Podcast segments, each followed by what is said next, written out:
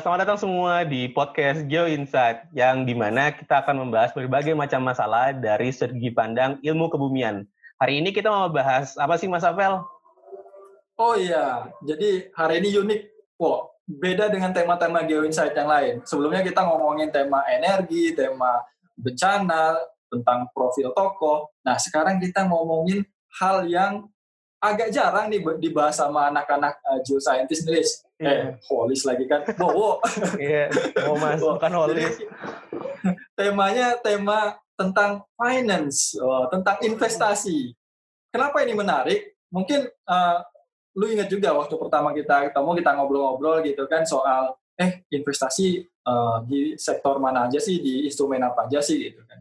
Dan uh, memang nggak uh, waktu waktu itu nggak banyak juga orang yang ngeh soal investasi di saham karena dengar hmm. kata saham aja udah agak asing gitu kan takut udah takut duluan uh, rasa berat iya, jadi jadi uh, padahal teman-teman profesional muda katakanlah yang baru lulus um, dan dapat gaji gitu kan uh, kadang dia nabungnya ya udah di bank aja paling banter di, di, di deposito gitu. Hmm. tapi uh, mereka sebenarnya ketika kita jelasin, kita ceritakan tentang investasi di saham itu tertarik. Ya buktinya bahwa sendiri akhirnya buka juga kan rekening investasi saham kan juga ya. buka. Ya udahlah resiko tanggung aja sendiri dulu gitu aman masih. Iya. Uh, jadi ternyata uh, ketika kita bisa menjelaskan ini dengan baik, orang tertarik kok investasi di saham. Maka dari itu, oh, kita kali ini mendatangkan langsung ahlinya. Uh, siapa tuh mas? CEO dari Big Alpha. Wah, keren ya Iya, selamat datang CEO dari Big Alpha, Mas Tirta Prayuda. Selamat halo, pagi, halo, halo. Pagi, pagi, pagi menjelang ya. siang. Iya, menjelang siang. Maaf ya, Mas, meetingnya emang rada-rada tengah siang gini, bingung kita. Gak apa-apa, gak apa-apa. Oke. Okay.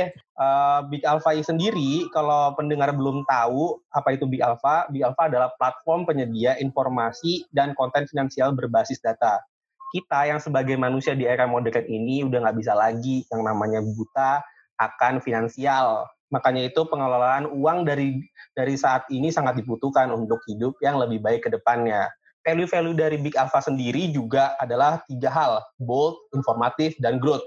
Yang di mana data-datanya itu akan menyajikan hal uh, yang informatif, tajam, dan juga uh, bertumbuh di mana kita diajak untuk ikut berinvestasi untuk masa depan. Uh, Mas Tirta Payuda ini adalah CEO dan co-founder dari Big Alpha dan karirnya itu udah sangat panjang, Mas. Bahkan pernah main, oh. pernah juga berkarir di sektor migas ternyata. Oh iya. Iya, sektor migas. Karirnya itu dulu pernah di salah satu perusahaan migas terbesar di dunia, yaitu British Petrol. Sebelumnya wow juga adalah auditor di Ernest Young. Di, pokoknya ini eh, orangnya top banget lah. Investor aktif di pasar modal sejak tahun 2012. Udah nggak salah lagi lah kalau kita mau bahas emiten-emiten masalah migas kalau sekarang. Betul nggak? Uh, kita langsung masuk aja nih, uh, Mas Tiksa sendiri adalah CEO-nya. Kita jadi dapat langsung dari akarnya nih, Mas. Langsung ke konteks hmm. pembahasannya dari Mas Alvel, silakan. Oh iya, uh, Mas Tirta, Uh, jadi yeah. kayak yang tadi gue ngobrol sama Bowo di awal, masih uh. salah satu skill yang dibutuhkan untuk uh, apa dari World Economic Forum 2018 itu kan yang postingannya Big Alpha juga sih yang gue baca yeah, yeah. salah satu skill yang dibutuhkan itu uh, financial literasi gitu jadi nggak hanya hmm. kita sebagai geologis ngertinya geologi aja gitu kan nerima gaji yeah, iya, itu nggak nggak tahu mau diapain nah hmm. um, karena kita lagi ngobrol sama Mas Tirta nih bisa dijelasin dikit nggak sih Mas ke kita tentang investasi saham itu seperti apa sih dan kenapa itu menjadi menarik untuk kita uh, pertimbangkan sebagai salah satu instrumen investasi kita? Oke, okay. uh, seben sebenarnya orang Bikalma itu muncul gara-gara itu sih awalnya karena kegelisahan kita melihat bahwa orang masih belum banyak yang paham masih gagap atas atas informasi-informasi produk keuangan. Contohnya kalau berinvestasi saham tuh orang pasti bilangnya main, main saham. Nah, padahal hmm. kan itu uang jangan dimain-mainin gitu kan. Jadi uh, berawal dari kegelisahan itu, gue bikin Bikalpa sama teman-teman, kita berusaha menjembatani antara orang-orang yang tidak memiliki background finance atau tidak mengerti dengan industri keuangan itu yang pertama. Jadi salah satunya adalah berinvestasi saham kalau yang kita bahas pagi ini lebih spesifiknya. Satu hal yang perlu gue jelasin bahwa investasi saham itu tidak untuk semua orang karena sifatnya yang berisiko. Jadi uh, banyak orang-orang yang kalau gue bilang risk appetite atau atau selera dia dalam mena- mengambil risiko itu kan ada rendah dan itu tidak cocok untuk berinvestasi saham. Ada instrumen-instrumen lain yang uh, lebih rendah risikonya meskipun returnnya lebih rendah karena risk dan return kan akan selalu berjalan beriringan ya itu nggak mungkin nggak hmm. mungkin nggak mungkin risiko rendah returnnya tinggi atau atau sebaliknya jadi buat orang-orang yang mampu menanggung risiko lebih tinggi uh, silakan berinvestasi saham itu kenapa itu penting karena kondisinya saat ini bursa kita itu hampir setengahnya dikuasai oleh investor asing. Investor asing itu baik biasanya berupa perusahaan uh, investment bank yang atau dana pensiun yang itunya atau mutual fund dari luar yang mencari return ke Indonesia. Jadi karena hampir uh, setengahnya itu adalah investor asing, bursa kita itu sangat rentan terhadap pergerakan uang mereka. Jadi ketika mereka khawatir terhadap suatu situasi yang terjadi di let's say di Amerika Serikat gitu kan, misalnya ada krisis ekonomi, mereka tuh buru-buru mencairkan uang mereka yang ada di bursa untuk keluar dari pasar Indonesia. Akibatnya apa? Akibatnya uh, apa? Uh, bursa kita turun, padahal ekonomi kita baik-baik aja gitu. Dan banyak hmm. sekali perusahaan-perusahaan bagus di Indonesia itu mayoritas investornya adalah investor asing.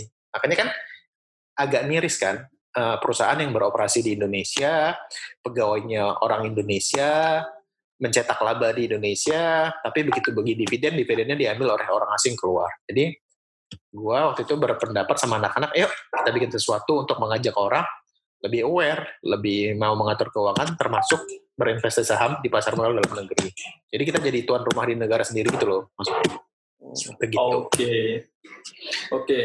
Um, berarti saham itu um, untuk di Indonesia sendiri masih sangat dikuasai asing ya pemiliknya uh, masih bisa bisa It, itu makanya kalau kita bisa ngelihat kalau teman-teman punya satu aplikasi itu namanya RT, RTI Business itu kita uh. bisa ngelihat foreign foreign buy foreign sell dan oh, di setiap iya. RTI chart gitu ya mas Iya, jadi di setiap aplikasi saham atau representasi sekuritas yang kita punya juga kita bisa ngelihat pergerakan foreign buy gitu. Jadi berapa orang yang dibeli, investor asing beli, berapa banyak investor asing jual gitu.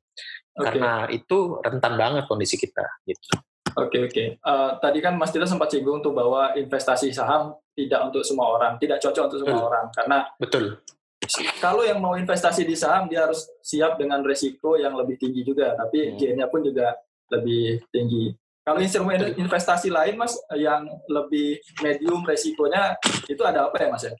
Kalau bisa misalnya ada, ada ada reksadana. Reksadana itu misalnya yang paling populer ada empat jenis. Ada reksadana pasar uang, reksadana hmm. pendapatan tetap, reksadana apa eh, campuran dan reksadana saham, reksadana atau obligasi. Obligasi kan itu resikonya bisa dibilang medium ya, karena ini kan menjanjikan pembayaran kupon dalam waktu yang fix gitu. Atau yang risiko lebih rendah lagi ya obligasi pemerintah karena dijamin oleh pemerintah. Jadi nggak mungkin hmm. bangkrut. Kalau obligasi swasta kan ada kemungkinan defaultnya kan. Perusahaan yang bangkrut mereka nggak sanggup bayar bunganya. Nah kalau pemerintah kan itu dijamin UU, dijamin uh, pembayaran pokok dan bunga itu dijamin dijamin undang-undang. Jadi hmm. pasti kebayar, risikonya minim banget gitu. Oke, okay. um, berarti buat teman-teman yang masih agak belum berani bermain dengan risiko yang lebih tinggi bisa masuk ke investasi yang lebih medium tadi. Nah kalau investasi hmm. saham sendiri menariknya buat buat kita apa nih mas? Buat orang-orang yang masih belum ngerti nih. Uh, selain hmm. tadi high risk kan dia sebenarnya high gain juga tuh. Hmm. Ada hal menarik lain nggak sih mas dari saham ini? Kenapa kita harus uh, coba untuk berinvestasi kalau tertarik? Oke, okay. gue akan challenge gini. Lo pernah baca Forbes Forbes Atau ya. pernah baca ya Forbes ya hmm. uh, list 100 orang terkaya di dunia Forbes. Wah itu pernah kan sering kan? tuh. Ya kan? Buffett gitu ya. Ya, ya, ya betul. Dan coba lu, lu tarik 10 orang paling atas hmm. gitu ya. What they have in common gitu. Apa persamaannya? Masing-masing kayaknya tuh gara-gara saham. Baik perusahaan mereka sendiri atau perusahaan uh, yang diinvestasikan orang lain. Misalnya Warren Buffett dia beli perusahaan orang ya kan. Hmm. Kalau Mark Zuckerberg kan tajirnya gara-gara sahamnya di Facebook gitu kan. Elon Musk gara-gara sahamnya di Tesla atau di SpaceX gitu. Dan siapa lah, let's say uh, Jeff Bezos gitu, kan gara-gara sahamnya di Amazon. Amazon, iya. Jadi instrumen meraih kekayaan itu biasa adalah saham biasanya. Karena hmm. uh, growth-nya cepet banget. Eh bukan cepet ya, paling tinggi di antara instrumen yang lain gitu.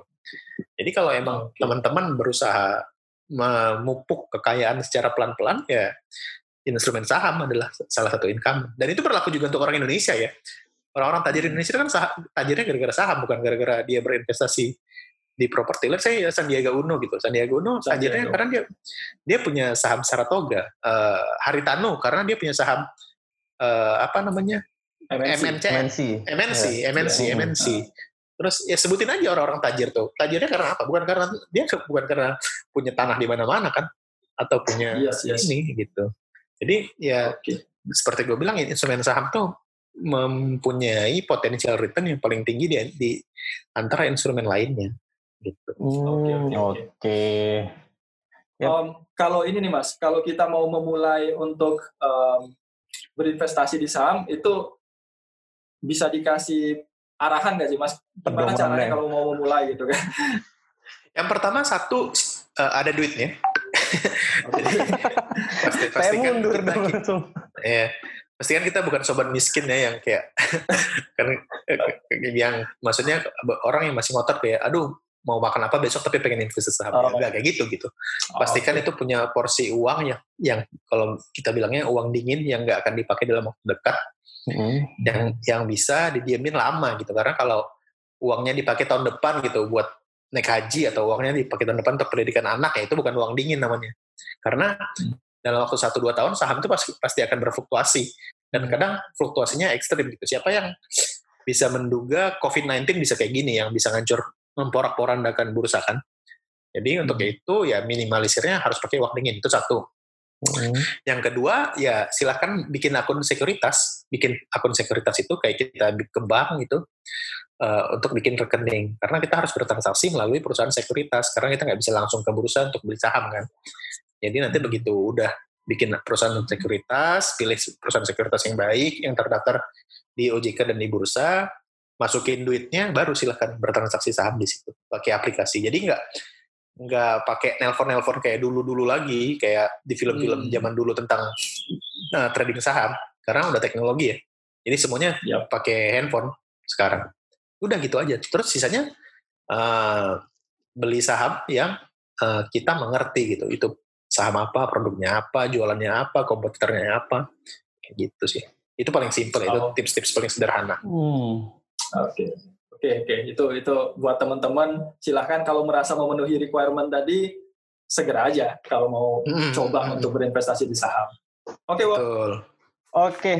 Uh, kalau gitu tadi kan sempat disinggung juga tuh uh, masalah uh, kalau kita udah ngerti sahamnya ya Mas. Ya kan kita cara nentuin saham untuk investasi ini kan banyak di Bursa Efek Indonesia. Ada yang dari banyak. industri infrastruktur, ada yang customer goods kayak Unilever, terus uh, finance yang pastinya dan juga di energi. Yeah. Yang energi ini kan biasanya dibagi dua di bidang mining dan juga migas. Ya Mas. Ya. Yeah. Uh, kalau dari Mas sendiri, sarannya misalnya kita udah buka RDI nih uh, rekeningnya, baiknya kalau kita nih kayak geoscientist, apakah tetap cuman punya saham di sektor energi aja atau kita akan mix portofolio kita biar uh, kita biar tahu juga industri-industri yang lainnya? Sarannya adalah pilih saham yang bisa memberikan return ya, terlepas dari profesinya apa. Akan agak naif ketika kita meminta geologis untuk beli perusahaan tambak dan migas aja.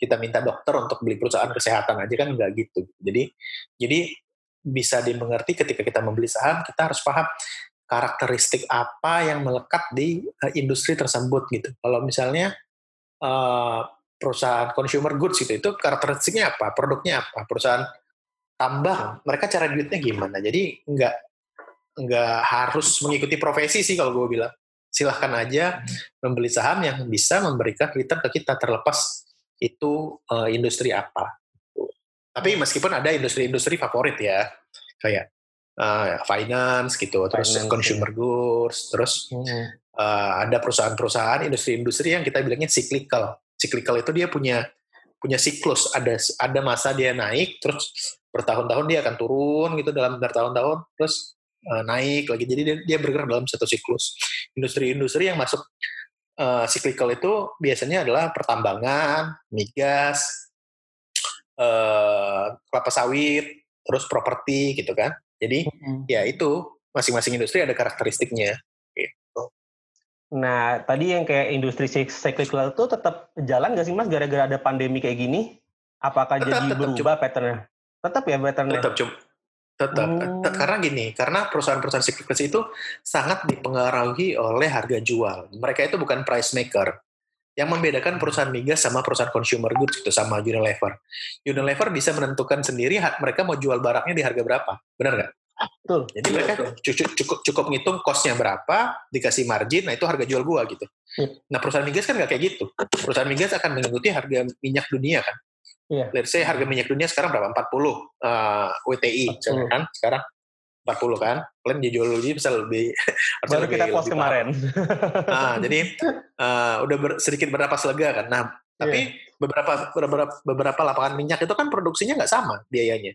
Kalau di Arab itu akan lebih murah, di North Sea itu akan lebih mahal gitu. Jadi beberapa perusahaan yang nggak bisa uh, mengontrol biayanya, mereka akan akan dihajar oleh harga minyak yang rendah, akhirnya rugi. Jadi oleh karena itu mereka termasuk perusahaan cyclical yang bisa cuan, yang bisa kinerjanya membaik ketika harga jualnya udah tinggi gitu. Hmm. Itu berlaku juga untuk properti, untuk kelapa sawit. Mereka itu bukan price maker tapi price taker, gitu di analisanya. Oke mas, okay, okay. Uh, eh, kalau kita nih mayoritas jujur-jujur aja pendengarnya mayoritas kan pasti uh, geoscientist ya mas. Jadi hmm. mereka ada harapan yang kayak oh tetaplah gue sukanya yang sektor energi nih gitu kan. Yeah. Positif dan negatifnya apa sih mas kalau untuk mereka yang uh, walaupun mereka bakal mix portofolio mereka dengan finance dan yeah. yang lain-lainnya, pasti mereka kan yeah. masuk sektor energi di portfolio mereka. Plus minusnya hmm. apa mas kalau kayak gitu? Plus minusnya adalah kita bisa cuan gede banget dari hmm. uh, perusahaan-perusahaan berbasis komoditas ketika kita masuk di waktu yang tepat. For example gini, ketika uh, harga, let's say batu bara deh kan komoditas juga tuh ya. Yeah. Yeah. Uh, harga batu bara rendah, pasti uh, kinerja batu bara, perusahaan batu bara akan turun kan. Nah, hmm. berarti kan itu saking turunnya itu kan menggambarkan pesimisme pasar yang berlebihan. Kadang saking turunnya itu dia udah benar-benar under value yang banget banget banget gitu. Hmm. Terus kita beli dengan harapan suatu saat uh, harga batu bara akan kembali rebound. Nah, uh, ketika kita beli itu bisa bisa apa? Bisa berpuluh-puluh kali lipat. Contohnya kalau nggak percaya, lihat saham Indika Energy itu tahun 2015 tahun 2016. Itu ketika harga batu bara sekitar 35 per ton kalau nggak salah ya. Itu harga sahamnya itu cuma 100 perak.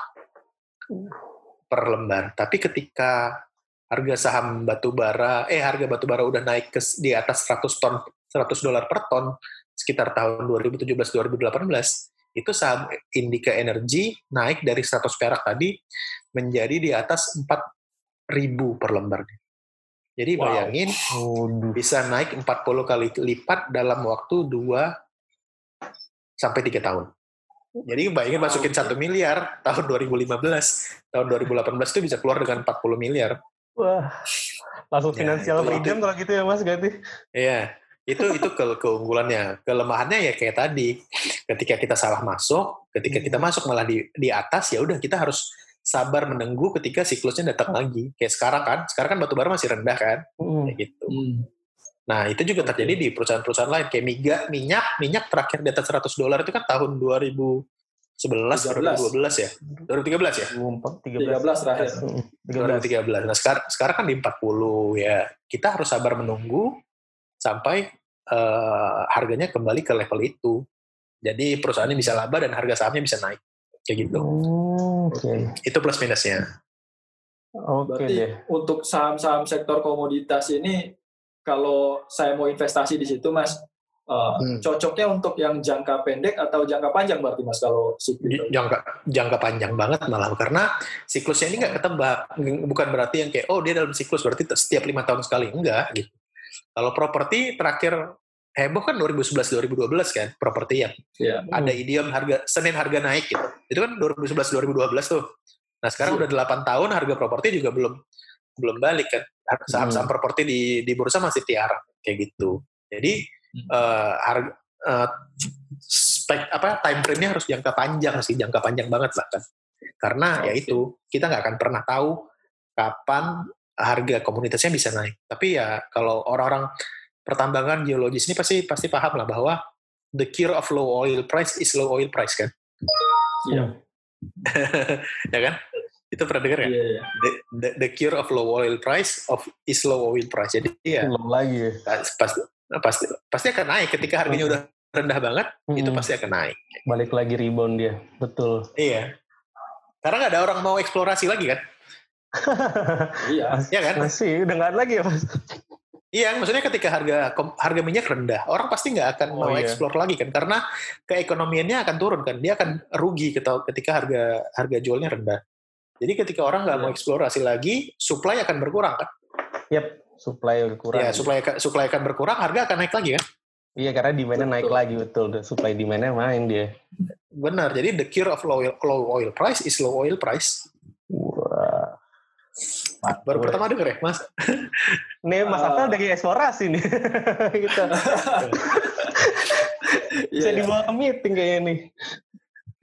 itu bagus tuh kuat kuat untuk kita iya. pegang tuh nanti boleh iya, boleh iya. karena karena gue karena MBA gue tuh MBA Energy Management jadi oh, iya. gue dulu kuliah oh. S2-nya Energy Management jadi gue sedikit banyak tahu dan gue berapa tahun ya 9 tahun di perusahaan migas ya tau lah wah iya sempat baca ya mas Dulu iya, iya, iya, iya. lumayan ya mas. Udah main saham duluan atau waktu masuk migas tuh mas? Gue masuk migas dulu. Masuk migas gue masuk BP 2011. Gue masuk uh. pasar modal tuh 2012. Oh, gitu. 2012. Oke okay, oke. Okay. Iya. Uh, Udah ada duitnya kan? Bener juga. Balik lagi ya. Kalau yeah. kalau dari pengalaman Mas Tirta nih dari 2012 kan uh, udah udah investasi di saham. Uh, pencapaian terbesarnya Mas Tirta itu waktu uh, investasi di saham apa Mas? Maksudnya sektornya aja nggak usah spesifik sahamnya. Gue pernah cuan gede di di bank cuan gede, di batubara cuan gede, di uh, consumer finance, consumer finance gue lumayan gede, di rock kok belum belum belum lepas sih tapi udah dapat dividen ya lumayan lah hmm. jadi ada beberapa ya di luar itu gue belum masuk wow. gue paling okay. finance consumer finance uh, rokok uh, batu bara udah itu kira-kira nah kalau itu kan tadi cuan mas yang cuannya kan hmm. kalau misalnya ini kan high, high risk high gain juga yang high risknya tuh yang sempat harus cut loss cut loss di mana tuh biasanya sektornya Uh, batu bara pernah gue cut loss tipis. Uh, industri dasar dan kimia gue pernah sebeli satu emitennya dulu. Uh, masih loss, tapi belum gue cut sih masih floating loss, jadi gue biarin aja. Iya. Oh. By the time naik lagi okay, dia. Okay. Ya mudah-mudahan. Ya, Oke okay, mas, uh, jadi supaya uh, membedakan Geo Insight uh, konten dengan yang lain, kita yang fokusnya ngomongin emiten-emiten sektor energi lah untuk hari ini gitu kan. Jadi hmm. ketika tadi di awal teman-teman udah dikasih uh, pengetahuan tentang apa itu saham, gimana cara memulainya, terus tadi juga hmm. sempat cara memilih uh, emiten sektor mana yang tepat kira-kira.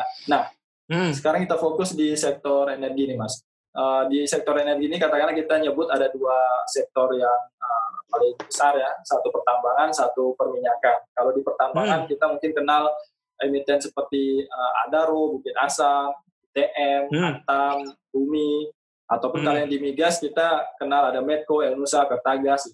Nah, hmm. um, khusus untuk sektor pertambangan dulu nih Mas, yang ternyata tadi sektor batu bara hmm. cuannya gede banget Mas Tirta sempat cuan gede juga di sektor ini gitu kan. Nah, uh, kondisi sektor uh, emiten uh, pertambangan untuk saat ini hmm. itu cukup menarik atau cukup beresiko mas apalagi uh, apa sejak pandemi COVID ini gitu kan ataupun hmm. uh, yang kalau bulan lalu itu kita ada RUU Minerba juga yang baru dikeluarkan. Hmm. Um, jadi saya pengen lihat pandangan dari Mas Tirta terkait sektor pertambangan di bursa saham Indonesia uh, hari ini tuh seperti apa sih? Gua nggak sektor pertambangan itu kan ada ada banyak ya maksudnya kayak uh, maksudnya banyak komoditasnya gitu. Jadi hmm. gue tuh nggak tracking semua komoditas yang ada di bursa. Yang paling gue uh, liatin tuh adalah batu bara karena gue punya sahamnya. Terus sama nikel. Uh, oh. itu saham-saham nikel misalnya kayak Inco, Antam gitu. Di luar itu kan banyak banget kan kayak Vale terus hmm. apa segala macam. Jadi fokus gue ke perusahaan-perusahaan batu bara. Jadi emang sekarang mungkin kayak gue bilang tadi gitu sekarang perusahaan-perusahaan itu lagi rendah-rendahnya. Karena harga batu kita ngomong spesifik batu bara ya. Karena harga batu bara batu di pasar ya. sekarang sekarang lagi rendah-rendah banget cuma cuman akan gila akan disebut gila ketika orang sekarang rekomendasi uh, batu bara. Karena karena harga jualnya rendah banget dan perusahaan-perusahaan batu bara itu udah menurunkan menurunkan targetnya kinerjanya turun labanya turun bahkan udah ada yang mulai merugi tapi kondisi seperti inilah yang kalau kalian mencari value jadi istilah investing itu adalah value play, mencari value-value yang udah dibuang-buang sama orang. Nah sekarang saatnya, bukan nanti ketika uh, harga komunitasnya naik dan orang udah mulai berlomba-lomba dan udah mulai, mulai bahas dibahas di media massa, di sekuritas. Sekarang kan nggak ada, sekarang sepi karena tidak menarik karena harganya rendah kayak gitu. Tapi perlu diingat, yang nggak bisa kita tahu adalah kapan harga batubaranya akan rebound dan saham-sahamnya akan rebound kayak gitu. Jadi kalau dibilang saham-saham berbasis pertambangan terutama batu bara sekarang lagi bagus-bagusnya, lagi murah-murahnya ya, bukan lagi bagusnya, lagi murah-murahnya. Karena kalau bilang itu there's blood on the market gitu loh. Jadi karena udah dibuang-buang orang nggak ada yang mau beli lagi sekarang dan itu bisa bisa menimbulkan harga yang luar biasa murah kayak gitu. Hmm. Oke oke oke. Uh, Apalagi udah ada jadi, itu kan udah udah ada apa? Baru ya. RUU Minerba kemarin udah udah itu kan gue belum baca detail isi RU-nya, cuman yang pasti gue tangkap RUU itu memberikan kepastian bagi beberapa perusahaan batu bara untuk terus beroperasi kan sampai jangka waktu yang lebih panjang, benar kan? Kalau kayak gitu. Betul, betul. Jadi dengan dengan adanya RUU Minerba itu ya itu udah udah uh, memberi kepastian kepada perusahaan-perusahaan tambang batu bara yang awalnya kontraknya udah mau habis jadi diperpanjang kan lebih bagus gitu jadi sentimen positif untuk perusahaan uh, itu sendiri gitu. Oke, okay, okay. jadi sektor sektor batu bara yang kita omongin sekarang itu um, sebenarnya kondisinya sedang tidak bagus karena harga minyak uh, harga batu bara sedang murah, tapi hmm. secara harga dia lagi murah banget sekarang. Jadi iya karena mau beli karena ada beberapa saham kalau kalian bisa bedah gitu ya, ada nah. beberapa saham yang market capitalization-nya, maksudnya market cap-nya itu lebih rendah daripada cash yang dia miliki. Ya, wow, capitalization lebih rendah. Iya, jadi market capitalization itu dia harga dia di pasar kan. Mm -hmm. Harga yeah. Iya. harga dia dia di bursa itu dijual berapa triliun let's say. Mm -hmm. Nah, market capitalization itu itu lebih rendah daripada cash yang dia miliki. Jadi bayangin ketika lu membeli perusahaan tuh let's say lu punya duit unlimited lah ya. Lu beli 100% perusahaan itu di bursa. Let's say harganya 10 triliun. Ya lu beli 10 triliun. Tapi begitu lu beli kan lu jadi ownernya kan, jadi pemiliknya. Hmm. Ya. Nah dia punya rekening di bank yang lebih tinggi daripada 10 triliun yang baru keluarin. Itu tidak mempertimbangkan asetnya, tidak memberikan, tidak mempertimbangkan cadangan batu baranya, tidak mempertimbangkan bangunan, pabrik segala macam, mobil. Itu kita ngomongin cash ya. Jadi ya, segitu segitu lo bilang murah dalam tanda kutip lah silahkan aja dibedah okay, perusahaan-perusahaannya. Iya, iya. Jadi itu tadi konsiderasinya soal sektor batu bara, teman-teman bisa nanti putuskan hmm. sendiri ya, karena uh, ada potensi memang ya, tapi uh, kondisi sekarang ya, memang lagi lagi kurang-kurang bagus banget. Tapi potensi untuk hmm. kalian beli di harga murah dan dapat cuan gede nanti itu ada. Iya, apalagi kalau emang kalau apalagi kalau emang kerja di perusahaan itu ya kan tahu dalam-dalamnya ya. Iya. Apakah perusahaannya mau bangkrut, apa perusahaannya mau masih tetap normal, apakah bosnya masih suka jalan-jalan di luar negeri. Nah, itu kan bisa menjadi cerminah kan. Benar-benar. Oke, oke. Jadi kadang-kadang bisa mainin perusahaan sendiri. Iya, karena tahu dapurnya, tahu dapurnya. Hmm. kayak gitu. Nanti sebelum dividen biasanya mereka naik-naikin gitu ya. Iya, karena mereka punya insentif untuk bikin harganya naik kan. Iya, bisa mereka bisa ngatur sendiri betul betul. Jadi sebetulnya okay. yang tepat ya mas. Apa? Ini kalau misalnya kita yang baru mau mulai main saham, apakah ini waktu yang tepat untuk enter ke Masuk. dunia uh, investasi di pasar saham? Uh, sekarang sih iya ya, karena kan lagi COVID ini uh, bursa lagi hancur-hancuran nggak jelas kan. Dan kejadian-kejadian kayak gini tuh nggak datang setiap tahun gitu. Banyak orang tajir-tajir baru itu datangnya pas krisis. Gue yeah. selalu mengulang-ulang ini karena kayak Haritano itu lahirnya tahun 98 kan. Sandiaga Uno lahirnya tahun 98, lahir sebagai pengusaha entrepreneur gila-gilaan ya. Karena banyak banget aset-aset yang sekarang dijual murah-murahnya kayak kita tadi gue bilang, lagi murah-murahnya. Termasuk saham-saham perusahaan-perusahaan bagus yang sebenarnya nggak apa-apa, operasional tuh nggak ada apa-apa, cuman ya karena sentimen COVID lah ini segala macam, ya sahamnya anjlok gila-gilaan di bursa. Hmm.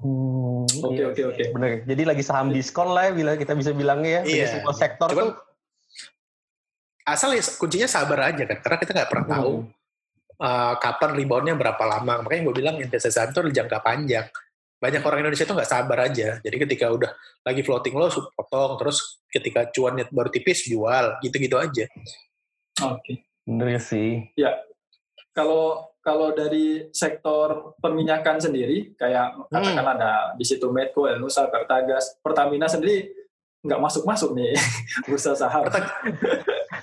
Belum IPO Bukan Pertagas, ya. Pegas uh, ini kali per, itu Pegas. Bukan ini PGN, PGN kan? Oh iya PGN ya, PGN. PGN. Ya, PGN. Pertagas belum listing kayaknya. Uh, ya Pertamina juga belum listing nggak tahu ya. Kira. Ya. nah kalau dari perminyakan sendiri, Mas Tirta sendiri uh, pernah nggak sih uh, kan kerja di BP itu kemarin gitu kan? Hmm. Um, pernah nggak sih mencoba investasi di sektor perminyakan dan uh, Kira-kira itu menarik apa enggak? Uh, pernah, jawabannya pernah, tapi bukan di lokal. Jadi gue dulu dapat bonus saham dari BP, waktu itu ya saham dari BP itulah yang saham gue di, di minyak. Nah, karena gue dapat bonus nggak mungkin gue tolak kan ya udah gue terima aja. Terus berapa tahun gue kan dapat saham BP di UK ya maksudnya. Kalau kalau BP kan dapat hmm. stock option itu di UK. Jadi uh, karena gue kerja di sana ya udah gue terima, terus gue keep sampai gue resign ya pas gue jual cuan ya itu karena 9 tahun kan gue di sana. Cuman kalau di pasar modal dalam negeri itu uh, gue nggak pernah beli saham migas karena gue perusahaan-perusahaan migas itu punya satu karakteristik yang gue nggak terlalu suka yaitu oh. memiliki ting tingkat utang yang tinggi. Oh. tinggi. Kenapa nih gue jelasin sedikit? Karena perusahaan-perusahaan yeah, yeah. seperti perusahaan migas itu adalah tipe perusahaan yang capital intensif dan time intensif. Jadi dia butuh banyak waktu dan banyak uh, modal, mulai dia dari operasi, eksplorasi, seismic activity, dia gali, dia produksi, dia sa apa suling, dia saring, dia transport sampai akhirnya minyak itu bisa kita konsumsi masuk ke tangki mobil. Benar nggak? Jadi benar, untuk benar. dia ber, dia beroperasi dari pertama kali sampai dia uh, bisa beroperasi bikin cuan itu butuh modal banyak dan butuh yang waktu yang panjang, ya kan? Jadi untuk menutupi itu dia dari mana sumbernya? Ya pasti dia dari utang kayak gitu. Jadi, jadi kalau lu kalau kalian suka membedah laporan keuangan, silakan aja bedah-bedah laporan keuangan. BP, Exxon, Chevron atau uh, El Nusa. Itu mereka pasti punya utang bank yang tinggi. Karena untuk membiayai operasi-operasi mereka karena butuh waktu kan untuk gali minyak sampai akhirnya bisa masuk tangki mobil. Iya benar. Tuh, jadi karena karakteristik itu, gue nggak terlalu suka perusahaan minyak, gue pribadi, karena lama. Dan, karena lama gitu. Oke okay, oke. Okay. Um, kalau dari Mas Tirta sendiri ada rekomendasi bacaan nggak sih Mas untuk yang basic-basic yang baru mau memulai nih? Iya. Yeah. Uh, ada Bagi bacaan yang baru rekomendasi nggak sih untuk kita belajar oh. investasi saham? Yang bacaannya ada banyak sekali buku di pasar tentang mengenai saham di Indonesia, uh, baik itu buku lokal maupun buku luar negeri. Jadi gue nggak bisa rekomendasiin. Yang bisa gue rekomendasikan adalah baca di Big Alpha, baik di Twitter, Instagram atau Telegram atau websitenya. Jadi kita berusaha menyediakan konten-konten finansial secara sederhana dengan bahasa yang simpel jadi orang semua mengerti. Baca di sana aja ya. Benar mas. Cardio Insight. Oke, pasti mas daripada baca buku, mending saya lihat postingan Instagram ya. Ya, kan, kan, kan karena gini, karena karena gini, cara orang mengkonsumsi informasi itu udah berubah sekarang. Benar sih. Iya kan. Jadi nggak selalu dari buku. Orang sekarang banyak tahu informasi itu dari dari sosial media, tahu tahu gosip dari dari sosial media kan. Karena sekarang itu kenapa Lambi Turah masuk ke TV gitu. Orang dapat tahu gosip dari Lambi Turah dulu, baru masuk ke infotainment. Bukan bukan orang dapat gosip bukan dari infotainment lagi, tapi dari Lambi Turah. Karena cara mengkonsumsi informasi dan berita udah ber, berbeda. Jadi ya hmm. Bikalva bermain di sana. Silakan follow Bikalva aja ya. Oke, oke buat teman-teman udah dipermudah tuh. Jadi hmm. kalau mau baca secara uh, informatif, lebih gampang dicerna, langsung aja ke channel Bikalva. Saya sendiri udah ngikutin Bikalva dari tahun lalu sih, jadi yeah. sangat senang dengan konten-kontennya. Jadi hmm. uh, termasuk beberapa informasi memang tadi benar nggak nggak hanya ngomong saham doang, tapi soal bagaimana uh, life skill juga di, diinformasikan lah di situ. Hmm. Oke, okay, Wak bahasan tadi malam juga menarik ya yang cara milih sekuritasnya gimana untuk pemula benar, itu benar. banget itu penting banget badan sekuritas benar, yang mereka benar. mau pilih karena preferensi orang itu beda-beda sih karena banyak banget sekuritas-sekuritas yang yang sekarang yang apa yang yang aplikasinya suka error gitu dan kita gue juga merhatikan tuh orang marah-marah karena pas mau dia beli aplikasinya error terus nggak bisa pesen atau yang yang sekuritasnya ditutup sekarang karena bangkrut kan udah, udah mulai banyak tuh jadian sekarang. Jadi ya hati-hati aja harus pintar-pintar milih. Wah bener sih iya. pengalaman pribadi mas. Kemarin lagi tinggi-tinggi mau lepas nggak bisa dia masukin. Bis. lima error kan? nah iya gateway. Itu yang menyebalkan kan. Tiba-tiba udah iya, turun itu kan lagi. kan, itu menyebabkan orang banyak kehilangan momentum kan akhirnya. Betul. Betul giliran udah nggak error harga udah tinggi banget mau masuk lagi. Ya yang telat. Makanya kan berhati-hati lah berhati-hati lah memiliki badan okay.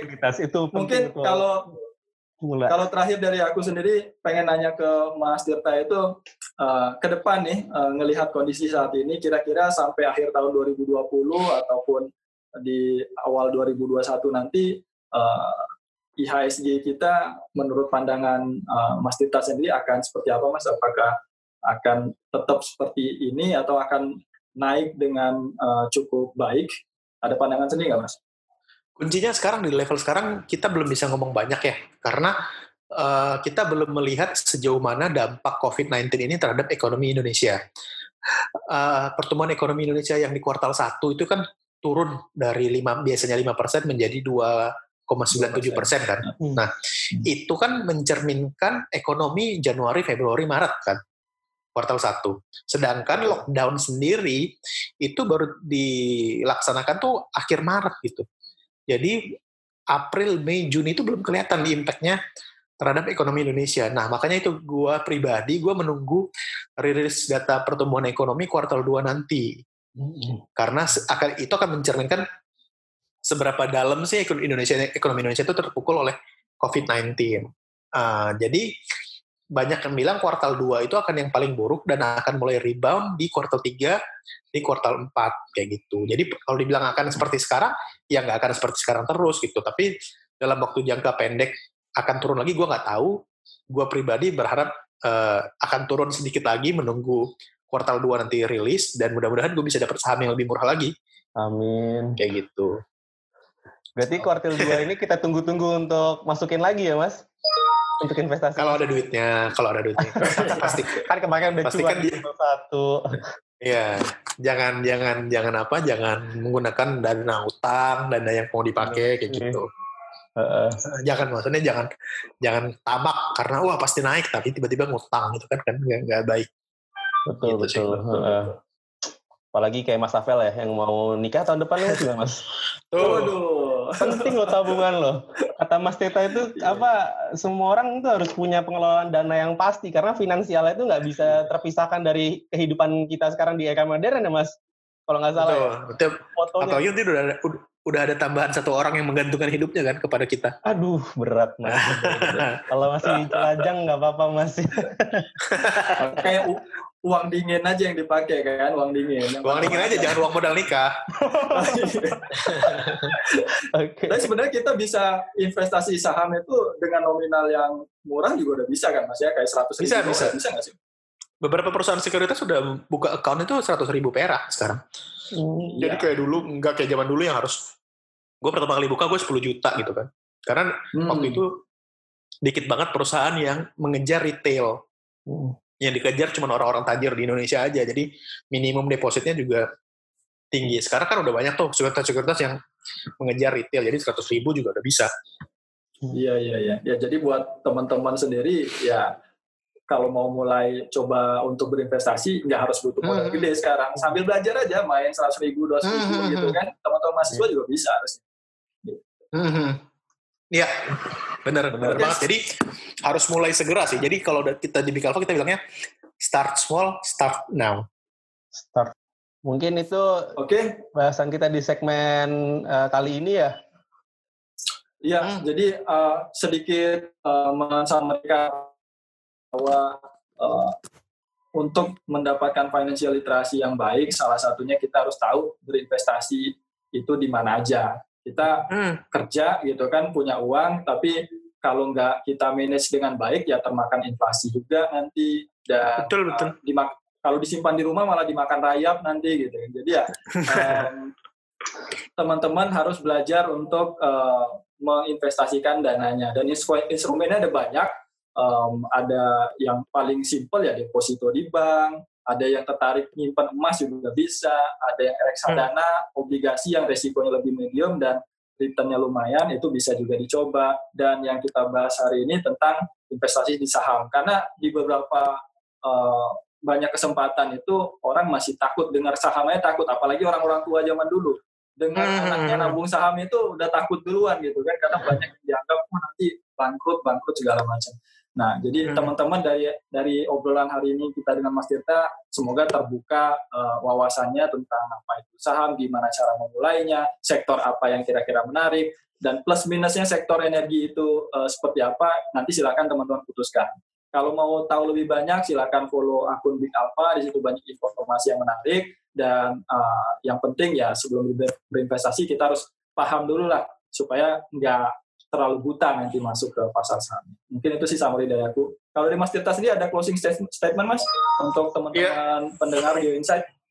Uh, teman buat teman-teman pendengar Geo Insight, terima kasih atas uh, waktunya untuk saya untuk diundang untuk ngobrol-ngobrol di sini dan uh, ayo kita sama-sama sama-sama untuk mulai masuk ke pasar modal untuk menjadi tuan rumah di negara sendiri. Jadi perusahaan-perusahaan uh, yang mencetak laba di Indonesia, pekerjaannya orang Indonesia, perusahaan Indonesia, tapi begitu laba ya harusnya dinikmati oleh orang Indonesia juga gitu, oleh saya, Anda, kita semua karena kan uh, mau nggak mau, suka tidak suka kita adalah the largest shareholder of this country kan, termasuk BUMN BUMN di dalamnya.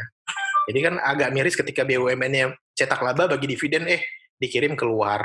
Padahal perusahaan itu perusahaan kita. So we are the largest shareholder, ya udah saatnya kita masuk ke pasar modal juga. Dan udah nggak ada alasan lagi untuk tidak masuk ke pasar modal. Informasi udah banyak, minimum deposit udah murah, terus caranya udah gampang, jadi ya nunggu apa lagi gitu. Bayangin kita cuma punya sekitar 2 juta orang yang masuk di pasar modal Indonesia sekarang.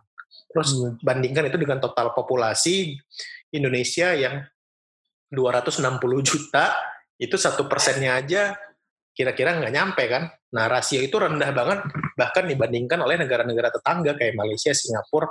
Singapura bahkan udah sampai 20 persen gitu. Apalagi ngomongin Amerika ya. Amerika tuh hampir 50 persen udah masuk ke pasar modal mereka sendiri. Jadi ayo silakan pasti teman-teman geologis banyak duitnya, banyak duit ding, uang dinginnya ya. Ayo mulai berinvestasi. Iya, daripada party terus ya Mas ya. Daripada party, party daripada casino party. Sekarang ya. Oke, okay, ternyata tadi itu uh, fakta yang menarik banget ya. Kita tuh uh. cuma nggak nyampe satu persen investor uh, dalam negeri kita di pasar saham Indonesia. Jadi ya, betul. Teman-teman, ayo uh, kenali resikonya, kenali potensinya, dan mulailah untuk belajar investasi di saham. Mungkin itu dulu. Ya. Bahwa ada closing statement bahwa Betul untuk anak-anak uh, muda juga yang pendengar Geo Insight ini jangan mau buta uh, berinvestasi. Bahkan sampai sekarang aja uh, emang tak emang banyak resikonya dalam investasi. Tapi uh, kalau kita selalu menutup diri, kita nggak mungkin dapat peluang juga untuk lebih maju. Contohnya mulai aja dari yeah. kecil kayak saham ini 100 ribu juga udah mulai bisa dan penjelasan dari Mas kita tadi uh, sangat membuka wawasan kita bahwa pentingnya uh, financial planning juga ya Mas untuk ke depannya mm-hmm. generasi milenial ini. Mungkin itu aja. Oke. Okay. Yep. Terakhir start small, start now. Ah, ya, itu betul, betul. Dapat semua ya. Start iya. small. Thank you, now. Mas Tirta, untuk waktunya. Thank you, thank you ya, banget. Thank, thank you, you banget, Mas Tirta, udah hadir bersama kita di Geo Insight. Ya. Oke. Okay. Semoga kita bisa kolaborasi lagi dengan Big Alpha di lain kesempatan. Insya Allah, amin. Oke. Okay. Makasih ya. Ya, makasih Thank mas. you, Mas. Ya, ya, ya, ya. semua udah dengerin Geo Insight. Sampai ketemu lagi di kesempatan berikutnya. Bye-bye. Bye-bye. Bye.